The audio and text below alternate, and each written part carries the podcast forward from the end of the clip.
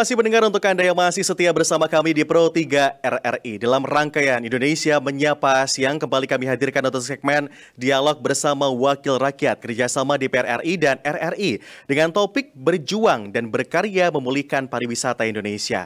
Dan bersama kami via Zoom Meeting, yakni Wakil Ketua Komisi 10 DPR RI, fraksi Partai Golkar Dapil Kalimantan Timur, Dr. Insinyur Hetifa Syafudian MPP. Inilah dialog bersama Wakil Rakyat selengkapnya.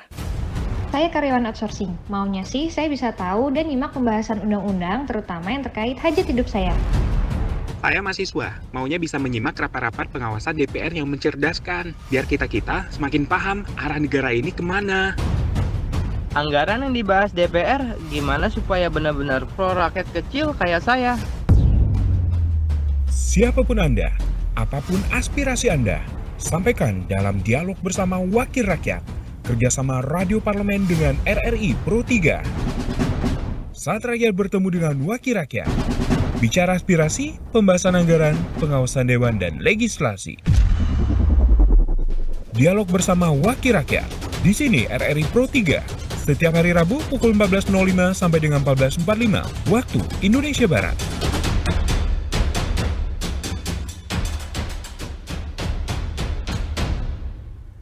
Panitia Kerja Pemulihan Pariwisata atau Panja PP Komisi 10 DPR RI menyerahkan 24 rekomendasi kepada Kementerian Pariwisata dan Ekonomi Kreatif tanggal 26 Agustus 2020 lalu. Kali ini kita akan langsung saja Bagaimana lalu untuk titik perjuangan dan juga cara berkarya untuk memulihkan pariwisata Indonesia? Bersama dengan kami, Wakil Ketua Komisi 10 DPR RI, fraksi Partai Golkar Dapil Kalimantan Timur, Dr. Insinyur Hetifa Saifudian MPP via Zoom Meeting. Selamat siang, Bu Hetifa. Selamat siang, selamat siang semua pendengar RRI. Terima kasih sudah bersama kami di Pro 3 RRI. Kita juga live di RRI Net Ibu dan juga live di YouTube PPID Pusat ya, Pemberitaan. Jadi kasih, Ibu juga bisa menyapa pemirsa kita karena bisa melihat langsung visual dari Ibu begitu. Oh iya, benar ya. Bagus juga nih teman-teman yang juga menyimak lewat YouTube dan lain-lain. Selamat siang.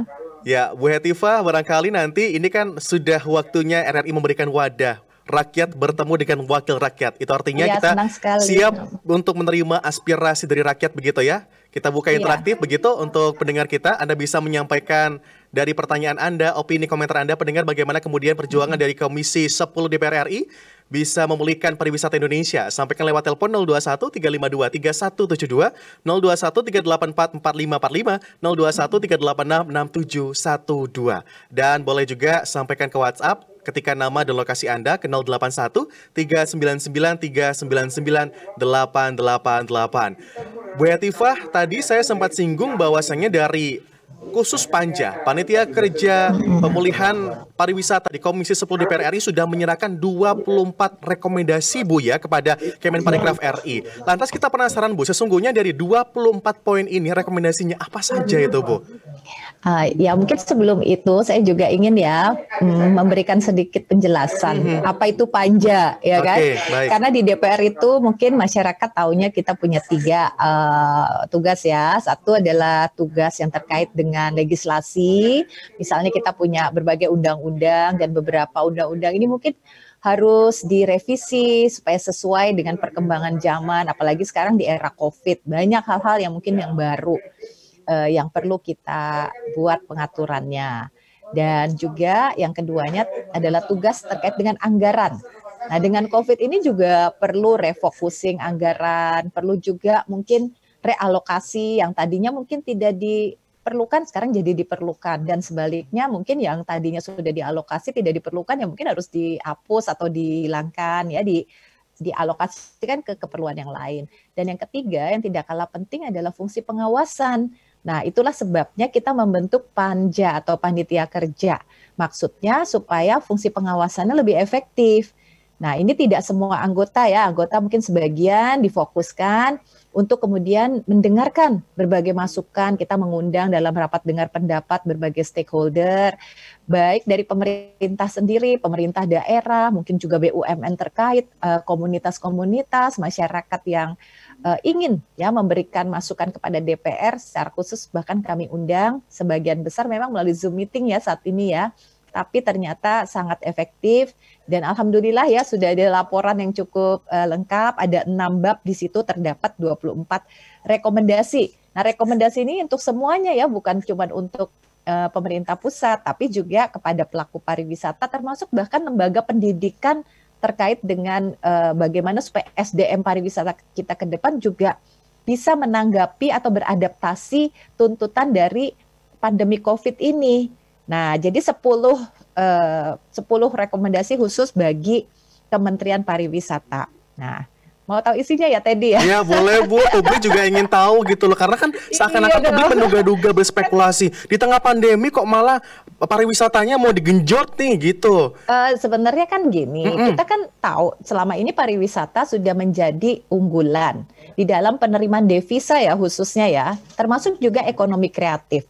Dan ternyata sektor ini yang paling pertama terdampak dan juga mungkin paling sulit dipulihkan. Karena apa? Karena tergantung kepada pergerakan manusia ya. Mm-hmm. Kalau misalnya sekarang kita juga bisa menutup uh, pintu masuk kita untuk wisatawan asing datang ataupun bahkan uh, beberapa daerah seperti menutup uh, dengan PSBB dan sebagainya, tentu saja pariwisatanya akan terdampak.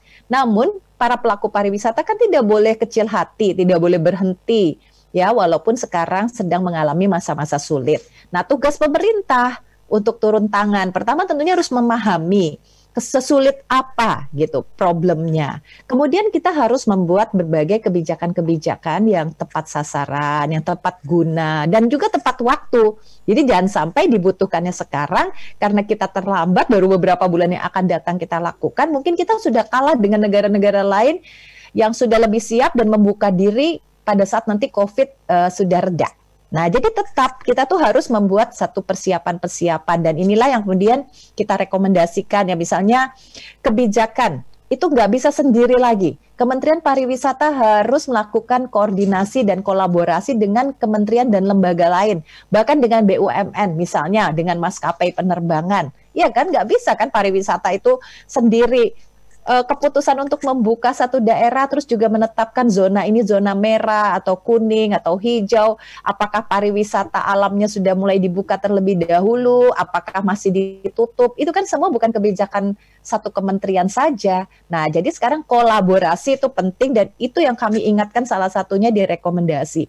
Kemudian kita juga ingin uh, Kementerian Pariwisata juga tadi ya mungkin uh, bekerja sama dan meyakinkan misalnya Kementerian Keuangan atau Kementerian uh, Koperasi dan UMKM, Kemendikbud dan juga BUMN yang terkait transportasi tadi untuk memberikan satu uh, situasi yang bisa lebih kondusif ya. Misalnya sekarang kita mau bepergian kan susah ya dan mahal juga harus pakai tes, rapid test ya dan juga uh, mungkin tidak semua daerah sekarang sudah terakses dengan penerbangan ya uh, bahkan juga kereta api sempat terhenti ya. Kemarin kita juga undang di road eh, PT KAI dan juga Garuda Indonesia dan mendapatkan uh, atau memberikan juga beberapa masukan.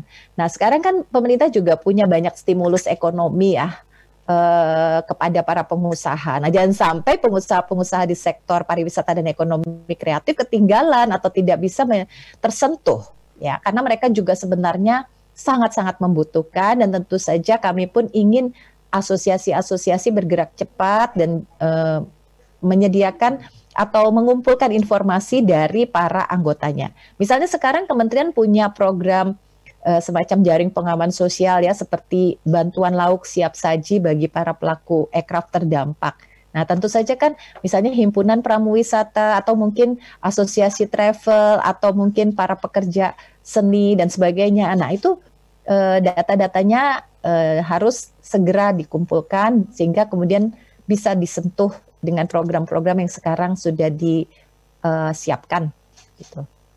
Ya, baik. Bu Hetiva kita masih mengundang pendengar kita ya. Barangkali ada yang pengen langsung ngobrol dengan Ibu. Oh, yes. Barangkali juga mereka ini pelaku wisata dan pengen langsung ngomong biar diteruskan ke kementerian terkait begitu ya. ya Jadi ya, Anda ya, boleh ya, pendengar bergabung bersama kami berinteraksi di 0213523172, 0213844545, 0213866712 atau WhatsApp boleh Anda sampaikan ke 081399399888 karena sesungguhnya semua saling membutuhkan. Dari uh, pelaku wisata membutuhkan untuk kunjungan dan juga pengunjung membutuhkan sisi pariwisata untuk rekreasi atau refreshing kepada mereka agar tidak stres begitu ya di tengah pandemi seperti sekarang. Apalagi Bu Etifah ya, kalau yang kita masih ingat sekarang itu sepertinya memang wisata alam paling direkomendasikan Bu ya karena ya, betul. minim karena kan, sekali uh, penyebarannya ya. Iya, mm-hmm. relatif yang sudah yeah. lebih aman mm-hmm. gitu. Namun tetap saja walaupun pariwisata alam ada satu tuntutan baru ya yeah. dari para wisatawan mm-hmm. supaya mereka juga uh, bisa nanti menjalankan protokol Covid dengan baik begitu sebagai contoh tentu saja fasilitas yang terkait kebersihan ya. Uh, toiletnya juga air mengalir, mungkin ada uh, wastafel ya disediakan, uh, tempat sampah gitu. Itu udah wajib tuh hmm. sekarang walaupun itu wisata alam. Kemudian juga aspek-aspek yang menyangkut keamanan uh, dan kesehatan. Kalau misalnya nanti ada salah satu pengunjung yang mungkin merasa kurang sehat, ya ke mana? Misalnya mereka bisa uh, berkunjung ke tempat pelayanan kesehatan terdekat. Jadi info-info seperti itu, walaupun itu wisata alam, mm -hmm. ada tuntutan baru. Dan uh, saya juga sempat ya berkunjung ke beberapa daerah yang mengandalkan wisata alam sebagai destinasinya Uh, saya kira masyarakat juga harus tadi tertib menggunakan masker ya masyarakat sekitar ya karena kan ya.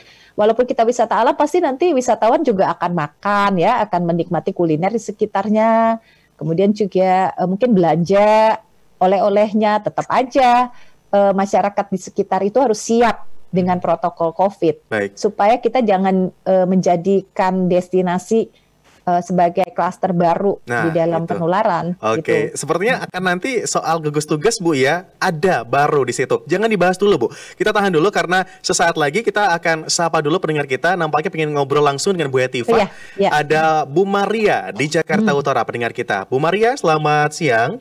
Selamat siang, Mas. Ya, boleh disapa ini Bu Etiva. Hai, selamat ya. siang Bu Maria. Iya, ya.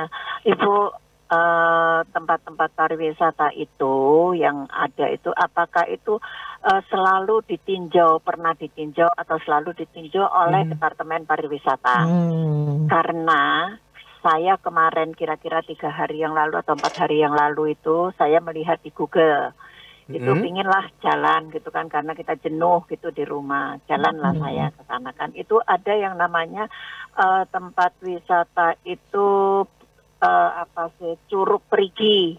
Hmm. Dia ada di perbatasan antara Cilengsi, Cibubur. Masih dia wilayahnya Bekasi. Saya hmm. sudah pernah kirim itu di WhatsAppnya Pro 3. Tempat itu Bu mungkin kalau dibersihkan dia akan bersih akan bagus. Joroknya mati-mati karena hmm. itu mungkin hmm. aliran dari kali Cilengsi mungkin ya. Terus kayak ada air terjunnya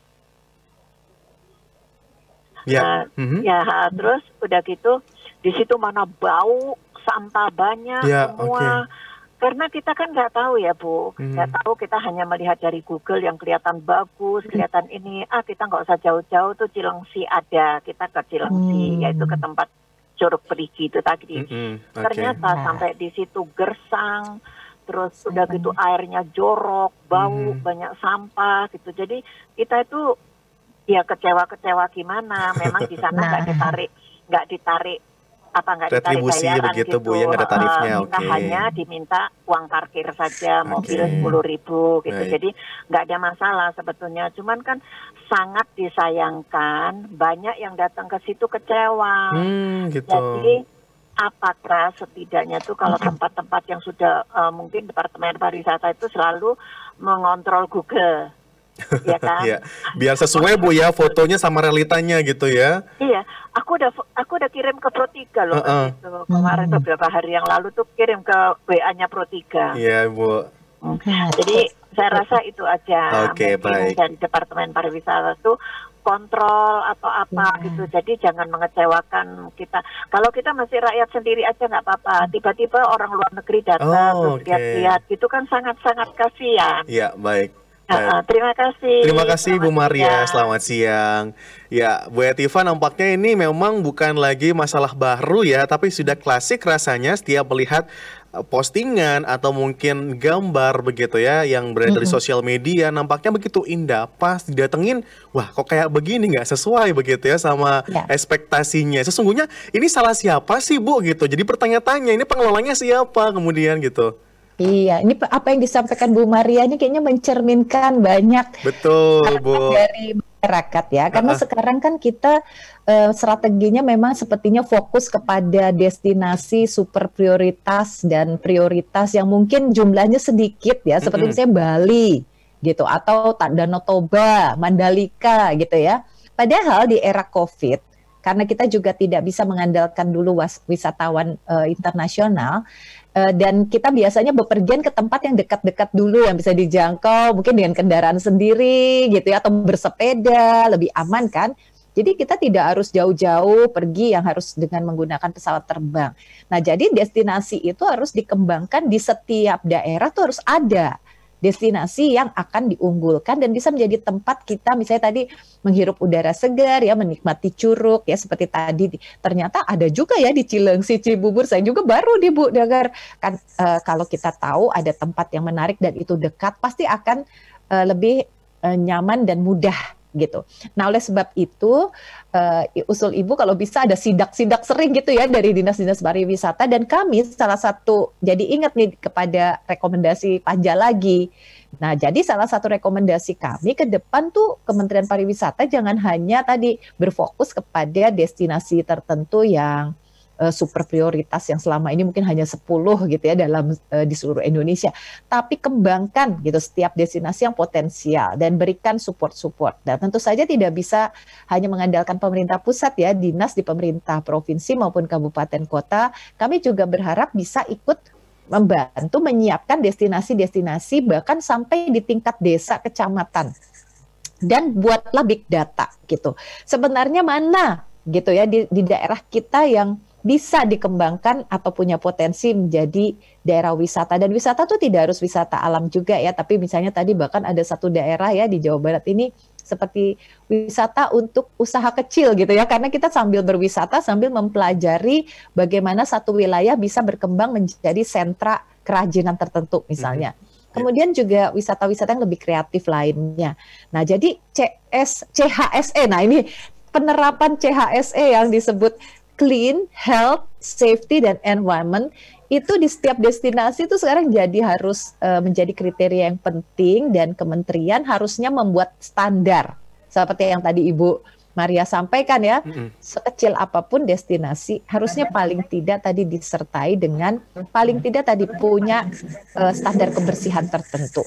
Aduh okay. jangan sampai ya Bu joroknya seperti itu, apalagi kita mau ke toilet aja nggak bisa atau airnya nggak mengalir itu benar-benar tidak akan menyenangkan kenang-kenangan okay. kita ke daerah wisata yang seperti itu. Baik. Dan itu tentu saja harus melibatkan masyarakat setempat. Sebenarnya kita punya seperti Pok Darwis ya, kelompok sadar wisata atau komunitas BUMDes kalau di desa-desa yang bisa yeah satu ini mengambil retribusi, mm-hmm. tapi juga memberikan pelayanan seperti kebersihan dan lain-lainnya. Jadi tidak apa-apa sebenarnya kita ya membayar retribusi ya Bu Maria kita tidak keberatan asalkan ada pelayanan baliknya. Nah itu Bu. Sampai kita di retribusi di, uh, ditarik tapi tetap aja jorok, okay. ya pasti ya. kesel yeah. gitu. Yeah. Jadi itulah nanti mungkin mm-hmm. ke depannya saya kira uh, sosialisasi seperti ini juga perlu uh, bagi uh, masyarakat baik yang ada di sekitar destinasi, tapi juga kita masyarakat yang menjadi wisatawan. Yang oh, bikin jorok okay. kan juga kita ya, kadang-kadang datang satu tempat minum makan atau apa kita buang sembarangan. Baik. Jadi tidak kalah penting adalah uh, kita sebagai wisatawan ataupun pengunjung juga tetap harus tertib. Oke, Bu Etiva ditahan dulu berikutnya ya karena ini dari tadi sudah bersabar menunggu. Coba saya sapa dulu yes. biar nggak terputus. Tadi Bu Maria sudah disampaikan, tapi ternyata Bu Maria masih ada yang bikin dilanjutkan. Sedikit saja coba kita sambung lagi. Bu Maria? Ya, selamat ya. Ya, Bu Maria gimana Ibu setelah ditanggapi tadi? Ya, eh, karena saya tadi dengar dengar ibu tadi bilang katanya baru tahu kalau di sini hmm. ada curug gitu kan. Ternyata di Sentul, daerah Sentul tuh banyak banget curug ibu dan itu bagus-bagus yang di Sentul itu. Hmm. Saya sudah jalan sekitar lima uh, lima curug. Curug ya. Ada curug bidadari, tujuh bidadari, ada curug apa curug apa bagus-bagus di sana. Dan tapi perlu diketahui bahwa curug-curug itu dalam keadaan hujan itu mungkin hmm. berbahaya. Licin Karena berbahaya. saya uh, uh, saya datang ke sana itu dengan air terjun. Curug itu kan uh, kayak air terjun gitu kan Bu dari atas gitu ya. Hmm, hmm, itu pada waktu saya datang kan belum hujan masih panas. Airnya bagus, jernih okay. gitu baik, dari baik. atas nih. Ternyata begitu hujan itu ngebiur apa ya kayak kayak banjir bandang gitu dari atas dan itu sangat bahaya. Mungkin ada batu nanti yang jatuh kalau pas mereka masih tetap di situ kan bahaya buat Oke, mereka itu. Baik, terima kasih Bu Maria. Intinya mungkin iya. akses iya. mungkin Bu ya. Jadi, Jadi biar ada perbaikan di situ. Tapi ditahan dulu iya. Bu, jangan dijawab dulu Bu. Pendengar kita berikutnya juga udah ngantri iya. di belakangnya okay, ini. Okay, okay. Saya sapa dulu ada Pak Miftah di Jogja. Pak oh, Oke, terputus nampaknya.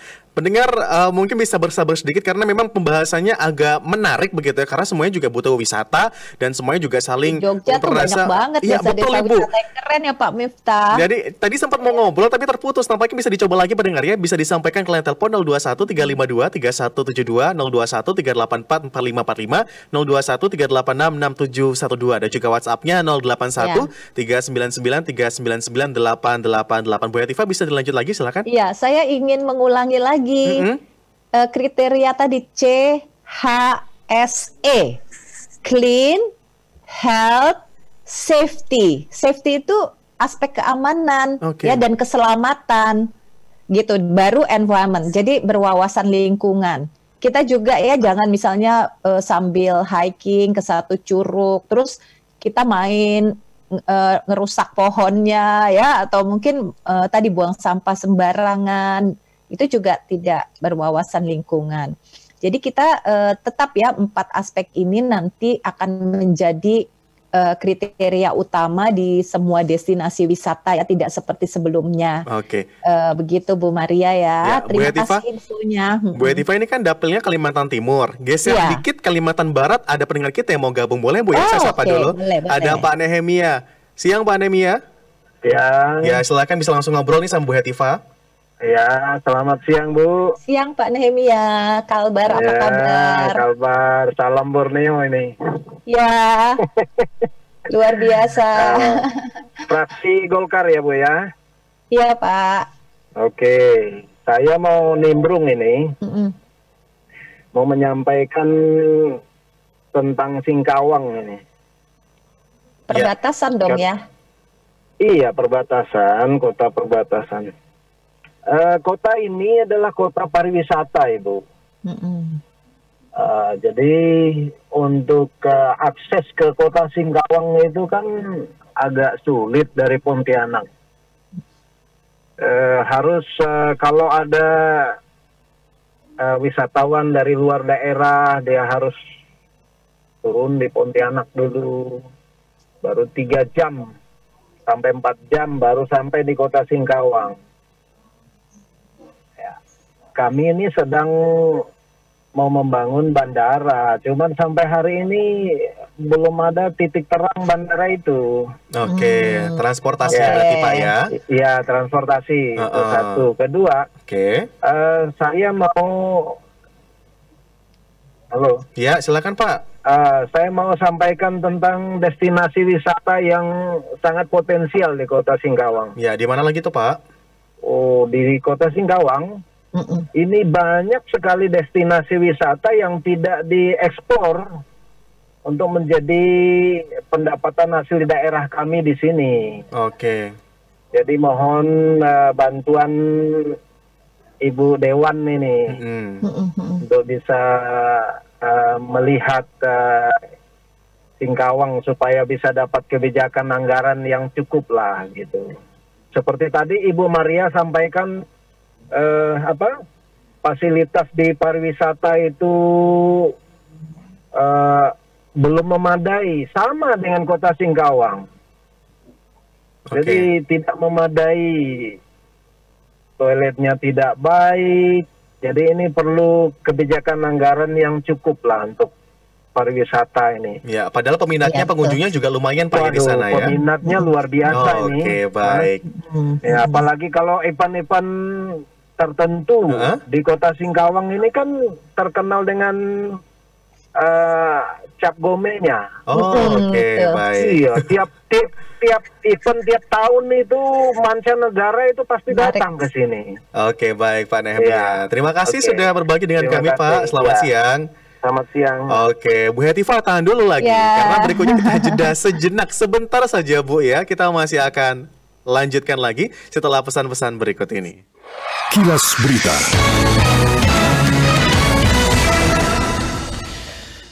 Menteri Ketenagakerjaan Ida Fauzia menyatakan Kementerian Ketenagakerjaan telah menerima data sebanyak 3 juta calon penerima bantuan subsidi gaji upah atau BSU dari BPJS Ketenagakerjaan untuk batch atau tahap kedua Menurutnya data 3 juta yang diterima dari BPJS Ketenagakerjaan untuk mencapai target 15,7 juta orang penerima pada pertengahan September 2020. Adapun proses yang akan dilakukan sama seperti tahap pertama, yakni setelah menerima data dari BPJS Ketenagakerjaan, pihaknya akan mengecek terlebih dahulu data tersebut. Namun demikian, Ida meminta calon penerima BSU yang sudah menyerahkan nomor rekening dan telah memenuhi persyaratan tetapi belum menerima transferan dari pemerintah agar bisa bersabar. Informasi selengkapnya bisa Anda baca di portal berita kami rri.co.id.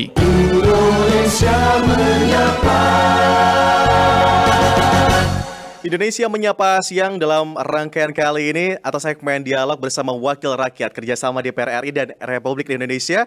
Kali ini kita bersama dengan Wakil Ketua Komisi 10 DPR RI fraksi Partai Golkar Dapil Kalimantan Timur, Dr. Insinyur Hetiva Saifudian MPP. Bersama kami di via Zoom Meeting kali ini, Bu Hetiva masih bersama kami ya? Ya, masih. Oke, Bu Hetiva tadi soal pertanyaan di Pak uh, pandemi ya di Kalimantan Barat ya, tadi ya, soal transportasi nih Bu. Gimana ya. sudah ada ke juga tidak ya? Uh, jadi uh, seperti tadi disampaikan ya, kami tuh berharap Kementerian Pariwisata ini banyak berkomunikasi dengan kementerian lain. Salah satunya tentu saja Kementerian PU maupun Kementerian Perhubungan karena kan kunci dari orang bisa pepergian ya adalah transportasi. Nah, jadi fasilitas transportasi baik itu misalnya tadi penerbangan, akses penerbangan ataupun juga jalan raya dari mungkin satu titik ke daerah-daerah yang menjadi destinasi unggulan itu memang selayaknya diperhatikan dan suatu daerah kalau dia sudah menjadi kawasan strategis pariwisata sebaiknya juga diprioritaskan untuk pembangunan infrastrukturnya seperti jalan. Jadi apa yang Bapak baik kan. Memang kalau di Kalimantan ya Pak, kita itu kan areanya geografisnya sangat sulit. Mm -hmm, Saya juga minggu lalu pergi berkunjung ke satu daerah di Kabupaten Berau. Pasti pernah dengar dong ya, Berau juga yeah. daerah destinasi yang sangat hebat.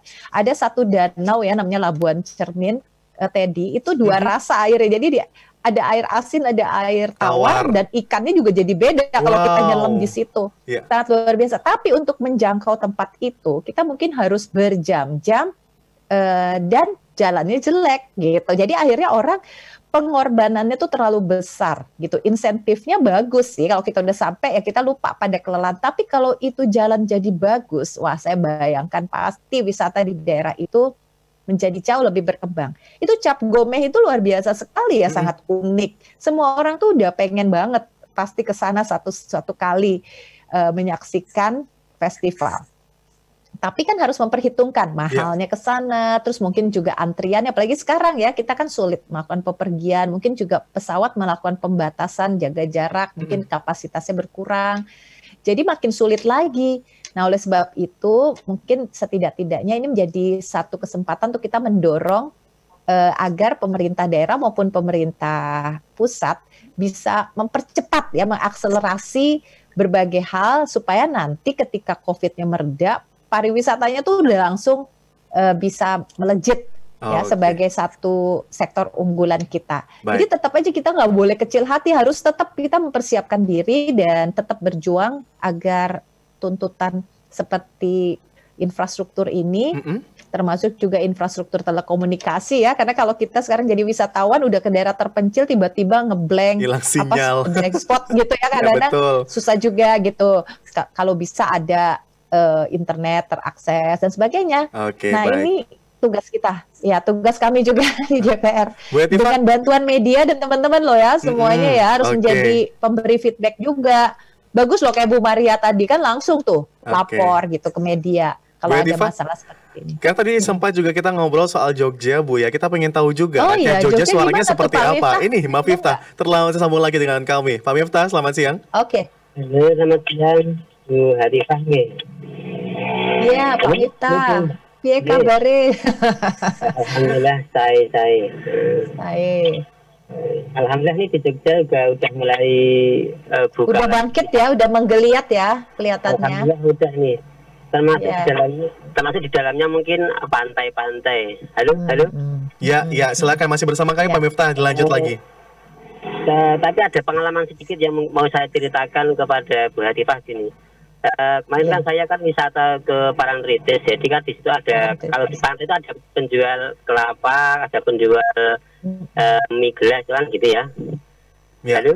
Yeah. Kalau kalau di Ya, lanjut kan, Pak lah kemudian saya gini kan saya waktu itu kan sama keluarga pesen eh, kelapa sama apa sama mie gelas kemudian saya dipersilahkan sambil nunggu mie-nya mateng nah, kemudian saya kan dipersilahkan duduk karena saya harus menunggu mie matang toh eh, saya saya eh, kecewa gini waktu saya membayar ternyata duduknya saya di situ itu harus membayar. Jadi saya harus membayar eh, makan makanya makanannya tapi duduknya juga sewa duduknya gitu juga ya. bayar. Duduk kok duduk? Padahal kan duduk itu kan fasilitas dari yang jual itu? Saya sebagai wisatawan itu sangat sangat kecewa. Bukan Kesal, bukan ya? bukan emang duitnya enggak ada. Tapi yeah. kan yeah. kok duduknya kok, iya. sendiri makanya bayar sendiri. Mm-hmm. ini pengalaman pribadi saya bu. Okay, saya juga baik. pernah pernah telepon ke pariwisata itu saya kecewa terus ya itu saja Pak Miftah. Apalagi? Ini, Oke, okay, baik. Sebentar lagi. Hmm, terima kasih Mbak Miftah di Jogja. Selamat siang. Ya, Bu Yativa ya. ini nggak cuma di Jogja aja loh, Bu. Di Bali juga sama seperti itu. Di kawasan pantai, pesisirnya juga di pinggiran begitu. Untuk duduk saja kita harus berbayar. Belum lagi untuk minumnya dan konsumsi lainnya begitu. Apakah memang sesungguhnya ada aturan yang seperti itu, Bu? Bukan kayak sudah include gitu loh? Uh, sebenarnya yang penting bagi kita para wisatawan adalah informasi yang jelas, mm, okay. ya kan? Jadi ada pilihan gitu. Mungkin maksudnya bisa saja memudahkan gitu kan? Atau orang boleh punya pilihan-pilihan mau paket apa, mau paket apa. Sebetulnya sih bagus saja, asalkan itu diinfokan. Kalau tidak kan kita kecelek gitu ya. Kecelek itu apa ya?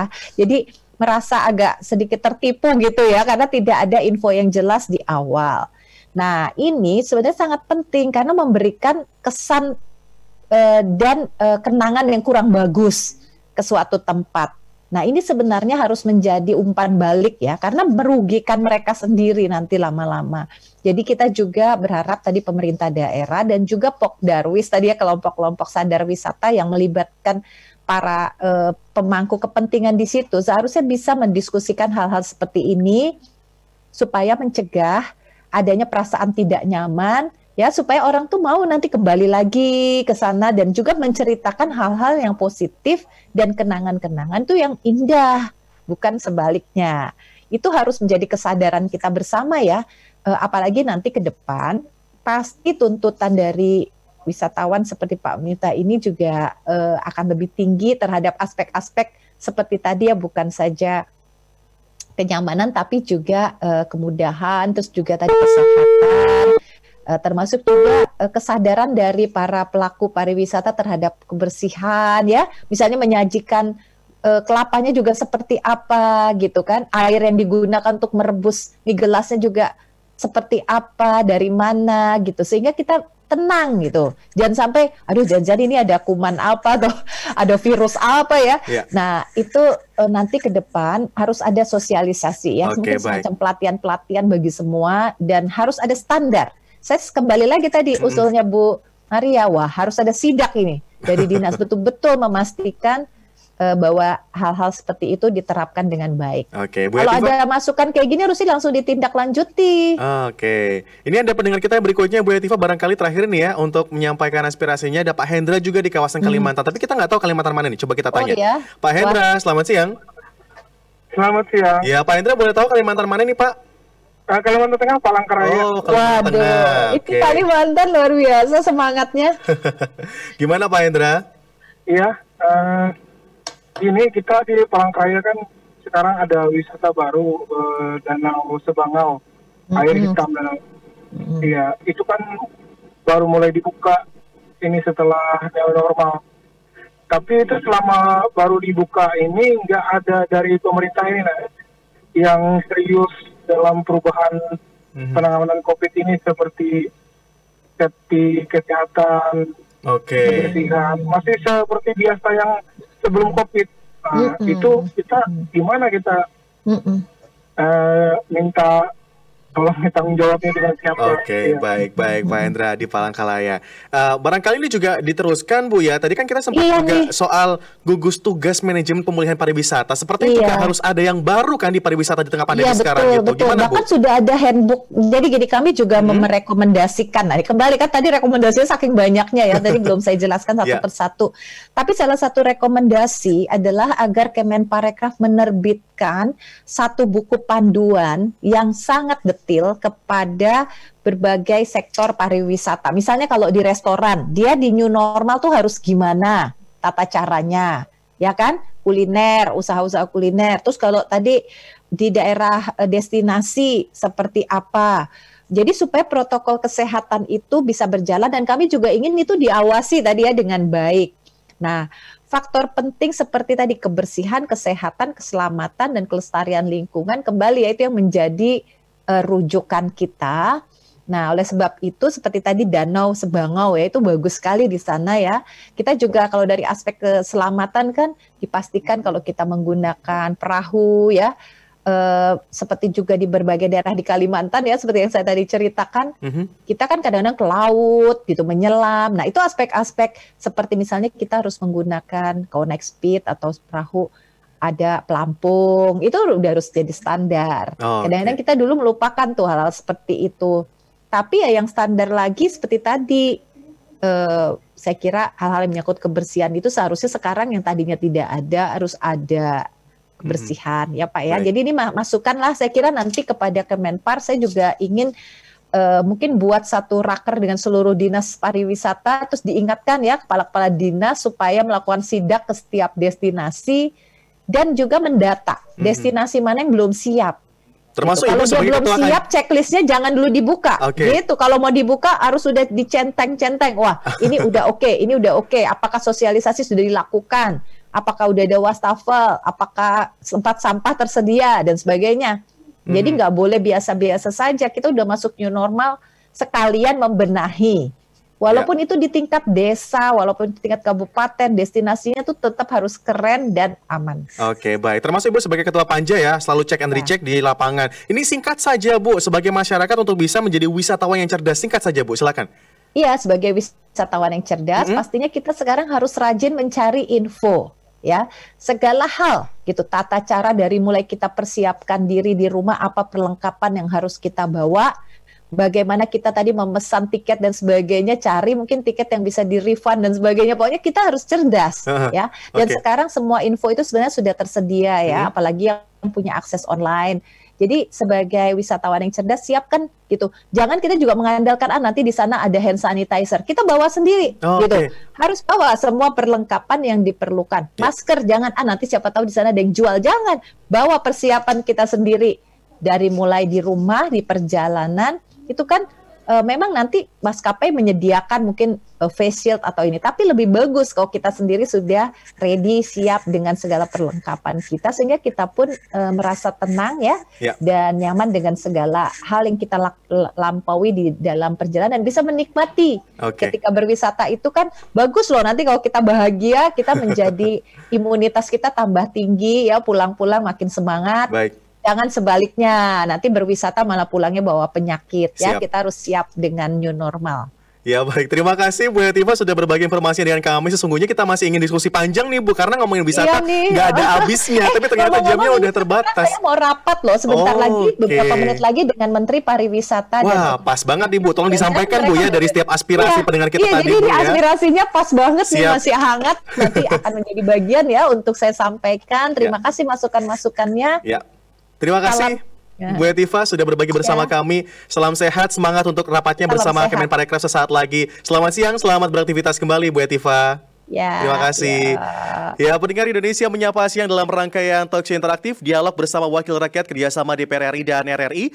Jadi kita sudah berbincang banyak soal pariwisata begitu ya, bagaimana untuk Komisi 10 berjuang dan berkarya memulihkan pariwisata Indonesia. Bersama kami tadi Wakil Ketua Komisi 10 DPR RI fraksi Partai Golkar Dapil Kalimantan Timur Dr. Insinyur Hatifah Syaifudian MPP. Saya karyawan outsourcing. Maunya sih saya bisa tahu dan nyimak pembahasan